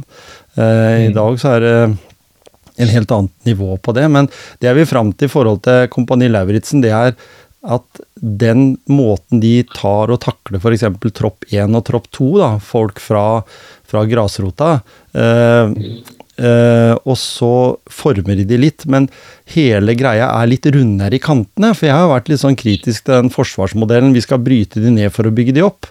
Uh, og den vet jeg sånn mentalt sett, den er til fordel for noen, men ikke alle. Mens den mm. modellen de kjører i Kompani Lauritzen, med de befala sånn, som har peiling på ting i Forsvaret, de, de, uh, den, den virker veldig god. Mm. Kan du si noe om det, fordi du har jo erfaring fra Forsvaret sjøl. Er han blitt litt godere, litt mer menneskelig? Jeg er jo i en posisjon nå som er veldig fint spørsmål, fordi at jeg er i studiepermisjon fra Forsvaret. Snakka med de eh, senest forrige uke om eh, tilbake igjen eller ikke tilbake igjen, det er det store spørsmålet. Ja. Så Da må det være riktig, riktig, stilling. og Jeg har jo ikke betalt i studiepermisjonen min, sant? så jeg kan eh, velge litt uh, sjøl ut ifra hvordan det blir. Men uh, til spørsmålet, så det er jo vesentlig annerledes enn hvordan du hadde det. Det har jeg snakket med andre, andre som er på, på, på din alder. og Eh, hva, hva de sa, Det var en som sa det på en sånn fin måte, for han skulle gi meg en analogi for å få meg til å forstå. liksom da. Og Da sa han det at før så sa du hva, og så gjorde folk hva som helst. Mm. I dag så må du si hvorfor, og da gjør de hva som helst. Mm. Så det vil si at i dag så skal jeg si, liksom det er smartere soldater, det er ikke det jeg sier, men i dag så har man, man er jo oppvokst i en samfunn der man skal si ifra. Mm. Hvis det er et eller annet med læreren, et eller annet med melken, et eller annet tjafs, så skal man si ifra. Og det er en god ting. Eh, men det fører også med seg noen konsekvenser. Som betyr at eh, hvis et befal sier eh, hopp, så sier du 'hvorfor det?' Så sier de 'nei, for jeg vil du skal hoppe'. Så sier du sånn 'ja, men da varsler jeg på deg'. Og sånn, Oi, shit. Sant? Altså, Da kan ikke du bare si det lenger. Så du måtte ha gjerne skriftlig og muntlig eh, hva er det denne øvelsen her skal innebære. da.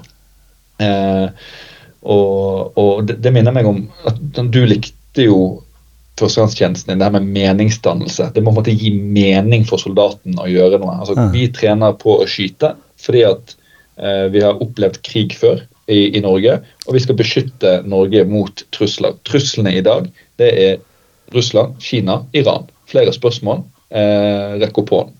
Og så kommer det sånn Ja, men hvorfor eh, bruker vi dette våpenet og ikke helikopter, på en måte. Altså, må liksom, du må liksom forklare Jeg har opplevd å få mange spørsmål som jeg ikke selv kan svare på. så det er sånn, shit, det må jeg finne ut av. Men da, mange av spørsmålene er jo sånn du må nesten ringe eh, Emilie Enger Mehl for å få vite. for liksom, Noen ting er såpass høyt for, forankret. da.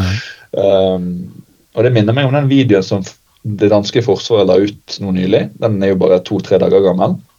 Eh, som minner om Norges sin video fra Forsvaret. Som er eh, Altså, for Danmark så er det hele verdt. Altså, liksom som Forsvaret. Hvorfor beskytter vi landet? Jo, fordi at ingenting skal skje. Mm. Eh, veldig fin reklame, begge mm. to. da. Eh, viser fjell og fjord og hva som er fint med Norge, hva som er fint med Danmark.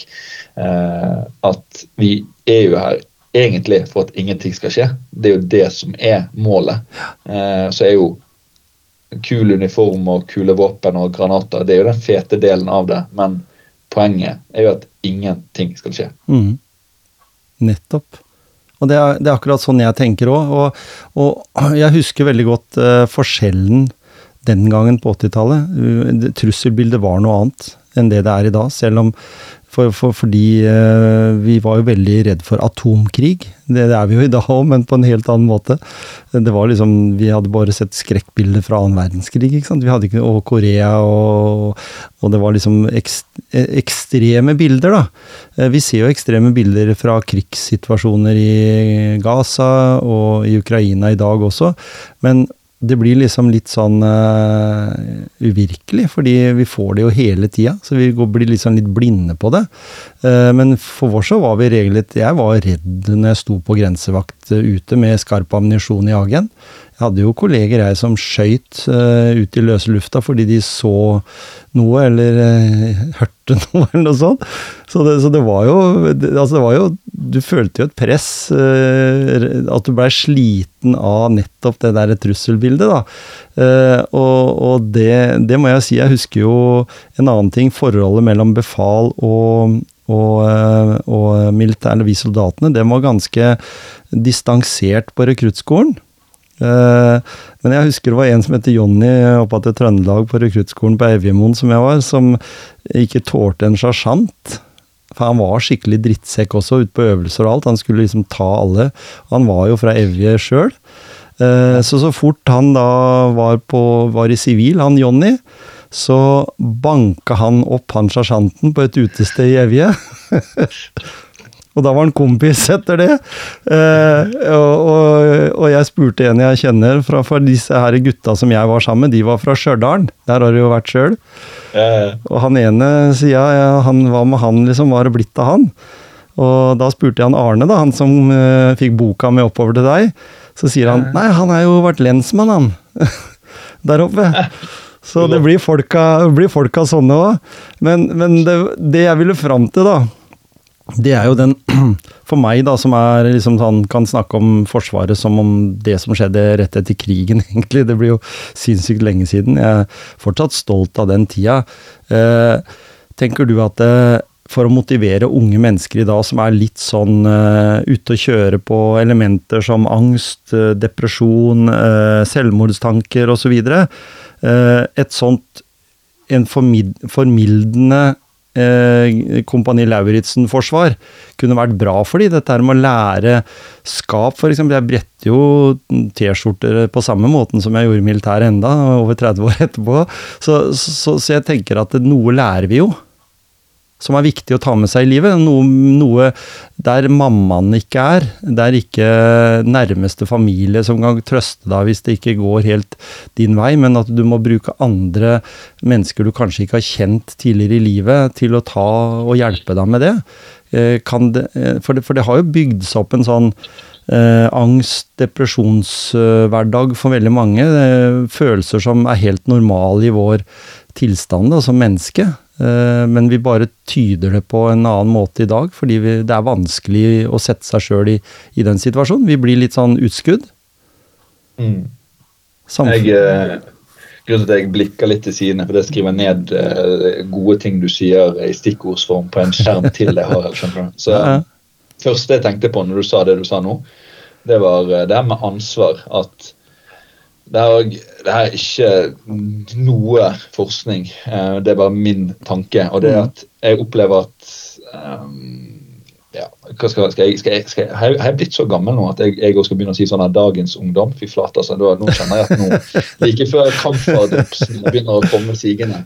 Uh, men det jeg kjenner på, er at det her med ansvar er noe som uh, har blitt mindre. Det, med det mener jeg at uh, folk på min alder og litt eldre, og som har liksom, tjent en viss eh, sum med penger, så blir det ofte sånn at avkommet de skal liksom ha det sykt bra. da.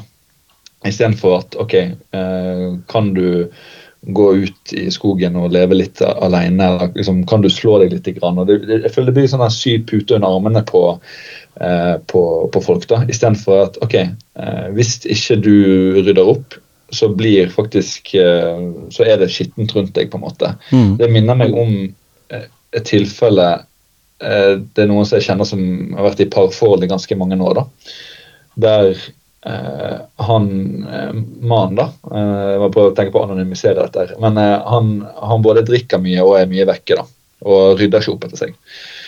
Og så rydder hun veldig mye da, og gjør mange ting eh, for han. Og det man ser, da, og det er klassisk sånn mennesker og vaner og sånt, er jo at det han forventer til slutt, er jo at det er ryddig rundt han, for at han slipper å på en måte gjøre noe. Og dette er en voksen person. sant? Eh, og sånn kjenner jeg, eller ser jeg litt med unge òg, at det er sånn her Ja, men jeg fikk ikke nok eh, trening, og det er treneren sin feil. Og sånn, ok, Men hva er det du har gjort, da? Altså, nei, jeg satt og ventet i sofaen og var på TikTok, liksom. Ok, ja. Men er det noe du sjøl kunne ha gjort, på en måte? og så kommer det på en måte til et sånt svar at man skjønner det at um, at, at det, sånn som Gyrid eh, Solberg sa. Eh, hun pleier å få alle i publikum når hun holder foredrag, til å peke på henne. Mm. Så peker alle på henne. Uh, og så sier hun sånn at det kan godt være at det er min skyld at, at uh, dere kjeder dere for at jeg snakker sakte eller kjedelig. eller et eller annet. Kan godt være at det er regnet sin skyld at dere ble våt. Kan godt være at det er bil sin skyld at dere kom dere fram til skolen. Men det er likevel altså de tre fingrene under det er likevel ditt ansvar å gjøre noe med det. Det er ditt ansvar å lytte, rette all oppmerksomheten til det som skjer på scenen. Det er ditt ansvar å ta med paraply og regnklær. Mm. Det er ditt ansvar å ta bil på service for at du faktisk skal komme frem. Eh, så det med skyld og ansvar er jo noe som man må skille mellom. Mm. Eh, og kort, Det siste jeg skal si, er det her med metabevisstheten. liksom Litt sånn Olympiatoppen, mental trening inni her. da, Men det her med hvilke tanker har du om tankene dine? Og det, Da begynner man å bli litt sånn wow, shit, liksom, det her blir veldig mye. Men poenget er at når du tenker at eh, at det skulle vært mer fasilitert for din trening, eh, hva tenker du om det? Nei, jeg tenker at det er på sin plass fordi jeg er 21 år og jeg forventer at uh, skolen legger bedre til rette for meg. Ok. Uh, har du alternativer i det. Ja, Alternativene at jeg setter meg på ergometersykkelen sjøl, eller at jeg gjør meg ferdig med leksene til ca. det klokkeslettet. Jeg trenger ikke helt nøyaktig, men cirka det klokkeslettet, sånn at jeg kan trene seinere. Og begynne å ha litt undersøkende mm. eh, refleksjonsevne til hvorfor tenker du det du tenker om tankene dine. Mm. Mm. Stakkars lytter som hører på dette. Men eh, igjen, da. Metabevissthet. Hvilke tanker er det du egentlig har om tankene dine? Mm. Og, og, når du er inne på det der med uh, utøvere, da. Vi har jo fått en ny generasjon innen uh, ulike idretter. Spesielt sommer, sommerrelaterte idretter. Vi har også fått en del utøvere innen vinteridretter som, som på en måte sier at uh, systemet i Norge er litt 1950-tallet. Vi, vi, ser jo det i dag med, med idrettsutøvere som rett og slett slutter.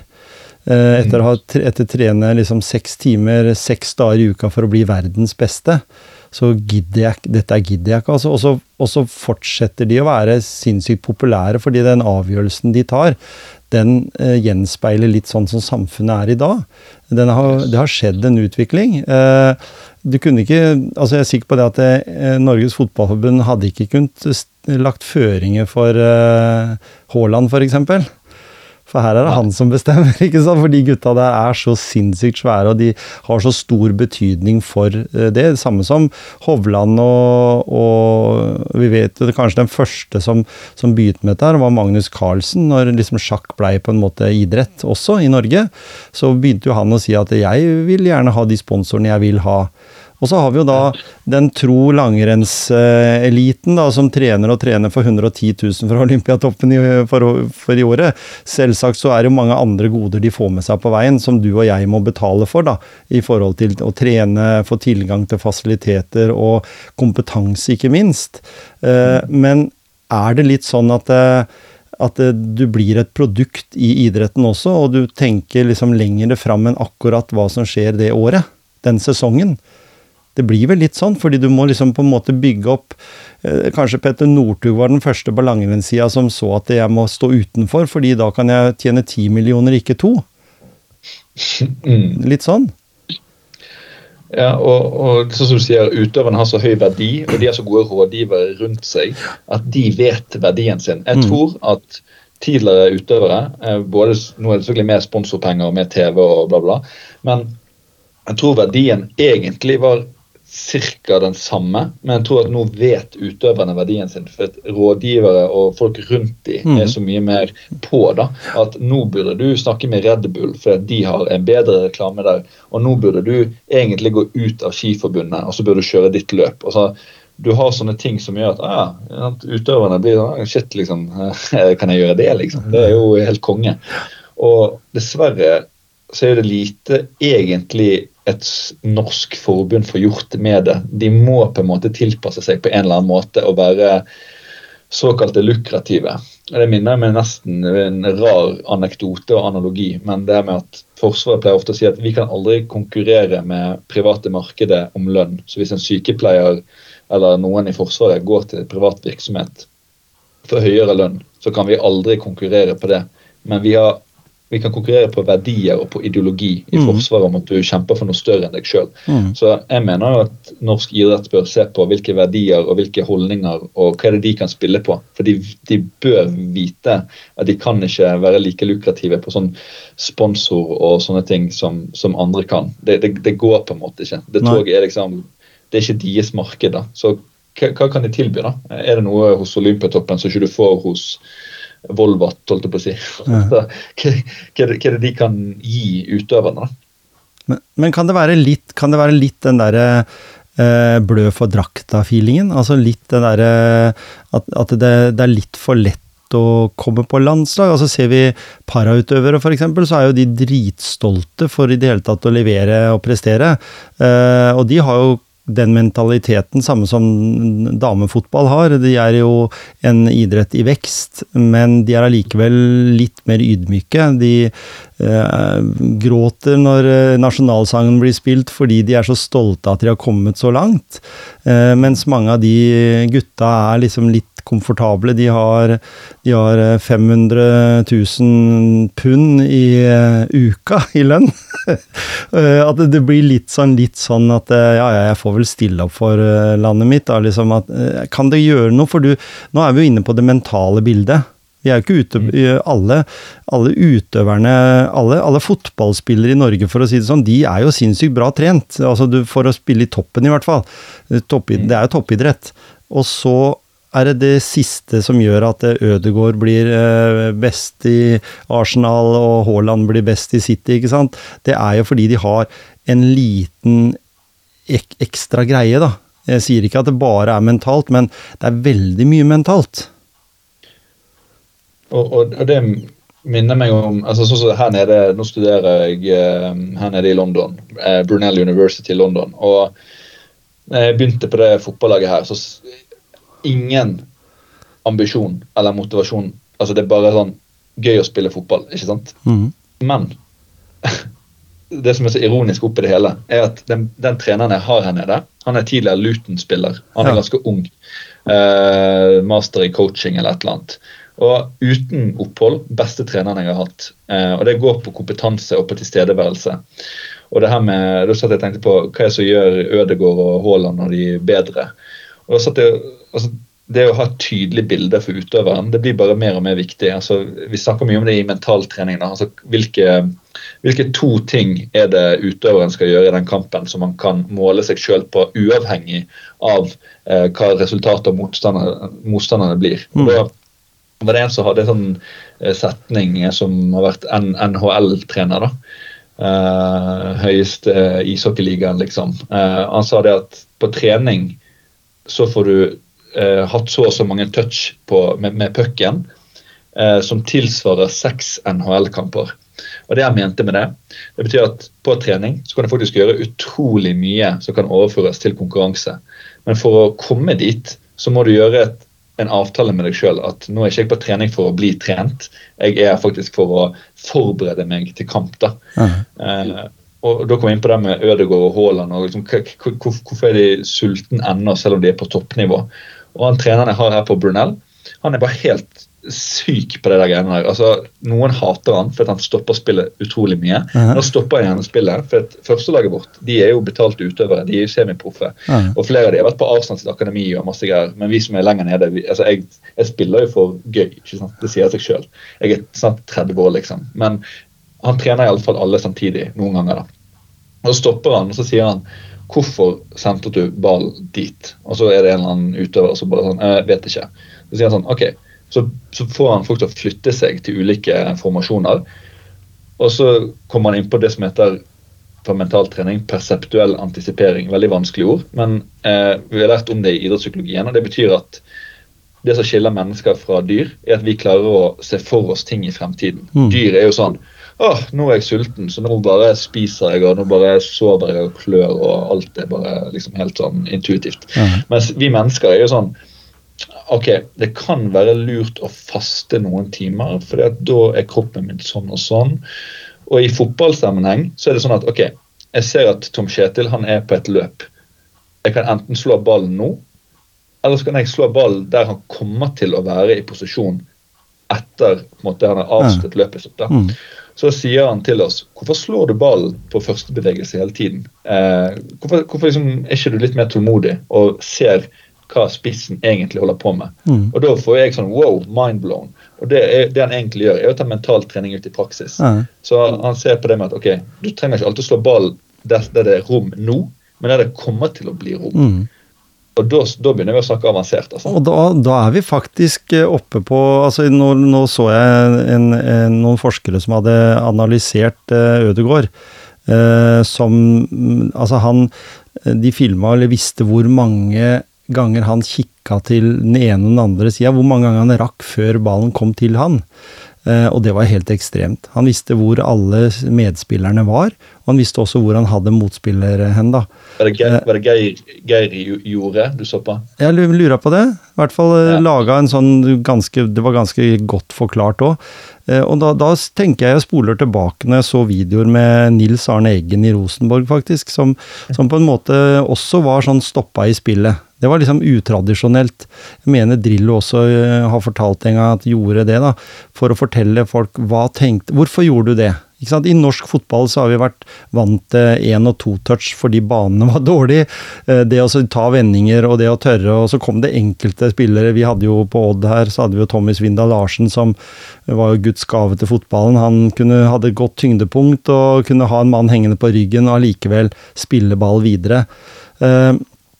Og det er jo litt den måten jeg tenker at en, eh, at en får en utøver til å gjøre det ekstremt mye bedre. Det er jo en treningssak, og så er det noe du er medfødt. Og jeg mener at i den, eh, i den videoen jeg så, så var eh, Ødegaard den desidert dyktigste, i hvert fall i Europa, på det nå. Å observere den situasjonen. Og det ser vi jo litt også etter hvordan han slår ballen.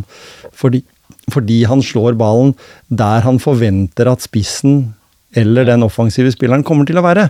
Og da blir det jo genialt. Da blir det sånn YouTube-sensation. liksom, Se her, han slo den ballen. Og så, Jeg husker jo f.eks. Eh, Cantona gjorde det samme med Solskjær eller med spissen. Han slo en sånn mm, lo, Lobba en ball over forsvaret, og der sto Solskjær, som med strak rist eh, banka eh, mål inn. Altså, Sånne enkle ting som det der. Og vi, vi ser det jo med, med han eh, belgieren i, i forhold til i forhold til Haaland også, når de spiller sammen, så er det en sånn helmatch. Og det, er, det går jo på det at de Uh, Helt sikkert også. Jeg, jeg, liker å snakke om et ord uh, som ikke vi har nevnt på, på her i podkasten, og det kan jeg jo ta noe mot slutten. Det har med visualisering. Eh, at en må også være god på det. Sånn at når en ligger på sofaen hjemme, så lukker en øynene, og da kan en se for seg den dagen. Og Kristin som var med i 'Mesternes mester', hun som driver med crossfit, hun var jo kjempedyktig på det. Når hun var skada, så satt hun på tribunen og visualiserte seg sjøl inn i gullmedaljekampen. Eh, og det gjorde noe med kroppen, for da er vi inne på det mentale igjen, Daniel. Dette med at hjernen vår er jo ganske enkel. Det er bare musklene våre som ikke får være med på den jobben, men hjernen vår, den trener. Derfor eh, så er det viktig med mental trening, eh, på samme måte som det er med fysisk trening, fordi den mentale evnen vi får, den gjør oss bare sterkere også rent fysisk. Hva tenker du om det? Ja, for jeg bare skrev det akkurat ned. Eh, sant, om det er skader eller hva enn det er. Men jeg skal begynne liksom forfra. da, for det at så, jeg gikk gjennom postene mine, hva jeg hadde postet før jeg gikk av sosiale medier. og Da så jeg at en av de siste postene tror jeg, var nettopp en gjennomgang av 20 år, altså 2-0, 20 år med forskning på visualisering. Mm. Eh, altså PET-lap-metoden. Um, og det man ser, er at altså det korte svaret er at ja, det, det, det funker. Og så har man også sett på men hva kan vi gjøre bedre? For Man har jo sett at liksom det som var gjeldende for 20 år siden, det er gjerne ikke like gjeldende i dag. Og det var En av de tingene var at trenger visualisering å være på en måte i en sånn psykologstol der man har øynene igjen, og det er liksom litt sånn namaste-musikk i bakgrunnen, så finner du ut at nei, det trenger man ikke. Og det er litt morsomt, at jeg fant, jeg fant noen rare ting som Norges idrettsforbund har holdt på med tilbake i en tid. Eh, jeg tror de kjenner seg godt igjen. Det er at når man først fant ut dette med visualisering, så, fikk, så tvang man, eh, uten å kødde, de tvang utøvere til å sitte i en stol og lukke øynene og liksom se for deg at du er på fotballbanen. Og, og man gjorde på en måte de riktige tingene, sånn sett. Men det man skal vite når det kommer til sånne personlighetstyper, så er det ikke alle som er så glad i å sitte i den stolen og, og lukke igjen de øynene. Og, for, for, de klarer ikke helt å komme, komme dit. da. Eh, så det er bedre å gjøre f.eks. fem minutter, gjerne på timer på telefonen, to, mm. til, to til tre til fem minutter, med konkrete arbeidsoppgaver du skal gjøre i en konkurransesetning eller i en visualiseringsprosess. Og så kan du gjerne ha en coach som snakker deg gjennom det. at eh, Fortell meg om når du først kommer inn på stadion. Hva ser du? Nei, da ser jeg at eh, det er liksom mørkt tregulv, håndballspiller typisk. Eh, masse tilskuere kommet på tribunen. Det lukter litt gammel hall, litt sånn svette. Ja, ok. Du, du kobler på flere sanser. Lukt, syn, hørsel. Uh, og så drar man gjennom på en måte, hva er det som møter deg. For da, har jo du allerede vært der, sånn som du sa. Ja. Kroppen, hodet, skiller ikke så mye mellom at du fysisk har vært der, som at du mentalt har vært der. Og det er jo der Kristin Holte var ekstrem. Mm. Uh, hun så, hva var det, Hun brukte jo de froskeperspektivene og ulike mm. perspektivene til mm. hvordan hun så ut utenfra når hun gjorde uh, uh, ulike øvelser i crossfit. Uh, og Det gjorde at hun ble bedre teknisk når hun kom tilbake igjen. Mm. Og Det minner meg igjen om en tredje ting, nemlig han Henrik Herrebrøden. Jeg vet ikke om du har hørt på Fotballhodet sin podkast. Mm. Veldig bra podkast. Jeg er ikke betalt av de, for å si det sånn. Men, men, men han, han drar inn det her med at utøvere som kommer raskest tilbake i et lag eller i idretten sin, de er til stede på treningsanlegget selv om de er skadet. Mm. For Hva er som typisk skjer når du blir skadet? Jo, Du setter deg på den ergometersykkelen i det svette hjørnet ditt, og så er du, du er ikke med laget. Nei, de som kommer raskest tilbake igjen, de er med laget på samlinger. Uh -huh. Eh, de er med på trening, de er med på konkurranser, de er med på å forberede spillerne mentalt. At du har tre oppgaver i den kampen her. Og Det er langpasninger til Haaland, og så er det eh, returløp, og så mm. er det eh, stol på egne finter. Drible sjøl. Tørr. Altså, da har du liksom konkrete arbeidsoppgaver. Så De som kommer raskest tilbake igjen, de er med på anlegget. De er med med treneren. Mer, altså de er med eh, laget, da. Mm. Men, da, men, da, blir det jo sånn litt uh, Vi har jo hatt uh, folk som har slitt mentalt når de har falt ut av laget Eh, eksempelvis eh, Klaus Lundekvam, for eksempel, som et sånt eksempel. Som er en god fotballspiller. Han er dedikert, han gir alt av seg sjøl. Eh, og så skjer det at han blir skada, og så blir du liksom, liksom ofte. Du sitter, som du sier, på den svette ergometersykkelen eller løper borti et hjørne eh, helt eh, borte vekk fra laget, liksom. Eh, og det gjorde jo noe med han i forhold til Han begynte å ruse seg, han hadde det adrenalin Eller behovet for den, det kicket, da det er å være i spillergruppa. Eh, ja. Der har vi blitt en del klokere nå da, enn å ta med seg også dyktige folk. og Jeg vil sikkert tro at Haaland er på treningsfeltet. Han sitter ikke på en svett sykkel oppe på treningssenter, sånn sett. Eh, fordi han har allerede de egenskapene der, eller mennesker, rådgivere, trenere rundt seg, som vet hva Uh, han uh, trenger, i motsetning til det faren hans var med på. Som du på en måte egentlig blei overlatt litt til deg sjøl. Og, og, det er vel kanskje litt den derre følelsen noen idrettsutøvere kan ha, som, som, på en måte må drive idretter som kanskje er uh, mentalt påkjenning fordi du er så aleine. Og, og, der er jeg kjempeimponert over personer som presterer i idretter som er litt sånn orientering, f.eks., eller, eller eh, enda verre skiorientering, da, som på en måte Du har aldri sendetid, og så trener de desidert like mye som, som Klæbo, og de trener like mye som, som alle, hvem som helst andre, eh, men får så lite, lite oppmerksomhet. Da tenker jeg det må være et meget sterkt mentalt bilde de har oppi huet sitt om det de ønsker å prestere. For hvis de har Vi ser jo nå på 'Mesternes mester', han som har vært skytter, f.eks., som også er en idrett vi ikke hører så mye om. Han er jo, presterer jo fullt på høyde med Anders Aukland og de andre gutta der, eh, og kan jo kanskje gå bort og vinne hele greia, liksom, bare fordi han er så sterk mentalt i hodet. Han vet at han ikke er god på alt, men han har en sånn, syns jeg i hvert fall, sånn indre drive som sier at, eh, at han snakker mye med seg sjøl inni hodet om at 'jeg er god', dette her løser jeg. Jeg, jeg er ikke si, Ja, det, det, er liksom noen har den begavelsen, kan jeg få lov å si det. Eh, mens andre definitivt bør læres av den. Hva tror du om det, sånn helt på tampen?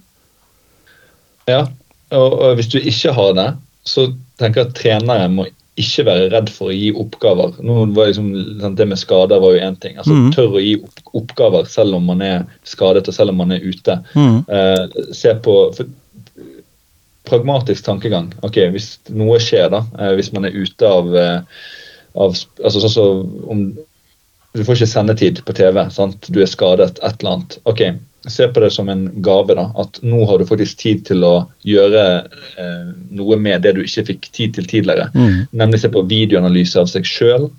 Eh, se på eh, lagkamerater eh, spille. Så spør du gjerne treneren eh, hva ville du ha gjort her. Ok, Så du tvinger deg til å tenke, da, sant? å gå inn i modus der. Og til de utøverne du snakket om nå på slutten her. Eh, noen har jo eh, altså Noen er mer dømmende mot seg sjøl også. Jeg kan jo kjenne meg litt igjen eh, der. da, eh, At hvis man ikke får ting til, så er man på en måte ikke god nok. Men det å skille mellom prestasjon og person du, du er ikke prestasjonen din, hvis du skjønner hva jeg mener. Mm. Altså, mm. det du leverer der, det var sånn det gikk, og vi kan analysere det til vi blir grønn. Men du er en fin fyr uansett, og din holdning til trening er det som er avgjørende hvor fort tilbake igjen du kommer, og liksom eh, hvordan du kan håndtere deg sjøl i mm. nederlag eller i medgang også, da, som er like viktig. Ja. Um, så Det er på en måte distansere seg litt ifra at, eh, at person og prestasjon ikke er det samme. da. Mm. Veldig god, god tanke rundt det. Jeg tror vi kunne sitte her eh, hele dagen og snakka om dette. Vi kan bare popper opp nye elementer jeg har kjempelyst til å prate med deg om. men, eh, men, det gjør jo ingenting, fordi vi kan jo snakke sammen igjen. Mm. Veldig spennende å følge deg eh, framover, Daniel. Jeg anbefaler folk å lese boka di. Ta kontakt med deg hvis de trenger litt mental påfyll. Eh, nettsida di, eh, veldig Der står det lett forklart hvem du er og hva du driver med. Hyggelig det. Ja, ikke sant? Jeg gjorde en oppgradering på denne tiden, så takk for det. Ja, så bra. tusen takk for at du tok deg tid til å være med i Motivasjonspreik eh, atter en gang. Jeg eh, tenker at vi, Hadde vi kjørt på nå, så kunne vi satt eh, ny rekord i lengde episoder, men jeg tror vi har fått snakke om de tinga både du og jeg har lyst til å dele med publikum akkurat for denne gangen. Men motivasjon er jo så enkelt som at hvis jeg skulle drive med motivasjon, eller fortelle definisjonen motivasjon, så ville det vært én side i en bok. Du har greid å skrive en hel bok eh, om motivasjon og ulike faktorer. Jeg har jo da greid å ha noen hundre episoder med motivasjon. Fordi jeg tenker, og jeg håper at du er enig med meg der, at eh, motivasjon det er ulike menneskers måte å tenke på. Ulike menneskers måte å være på. Eh, og det skaper jo en energi, da, som igjen kan motivere andre. Var det litt sånn tungt eh, for dere lyttere der ute, det jeg sa nå, men hva tenker du om det? Ja, og du har jo snakket med han Øyvind Hammer, tror jeg, tidligere. Jeg er ikke helt sikker på om du har det. Nei, jeg har ikke det, men jeg har veldig lyst. Ja. jeg, er, jeg, er veldig glad i hans folkelige Ja. deler. Altså ja. Motiv, det, det er et bilde der. Også Mm. aksjon. Altså action. Altså motiv, du ser for deg noe. Uh, jeg skal løpe, jeg skal opp på det fjellet, bla, bla, bla. bla. Motiv. Mm. Eh, aksjon. Uh, hva må jeg gjøre? Jo, jeg må knytte skoene, jeg må ta på meg treningstøyet, jeg må komme meg ut. Så motiv og aksjon. Jeg, jeg, jeg liker hans folkelige Jeg er ikke så glad i de forskningsmessige definisjonene av noe som driver deg, og bla, bla, bla. Ja, Mm. det kan godt være, men det er et bilde du ser, og så er det en handling du gjør. Ja. Ferdig. Mm. Punktum. Det er veldig enkelt. Da, da avslutter vi med det, vi, Daniel. Og så får jeg takke for en uh, fantastisk uh, fin preik. Håper at du har hatt det også like bra som meg. Absolutt. Håper eh, lytterne går inn på både din og min nettside. og Hvis det er noen som trenger mental trening, så er ikke nøl med å ta kontakt. Det tror jeg absolutt.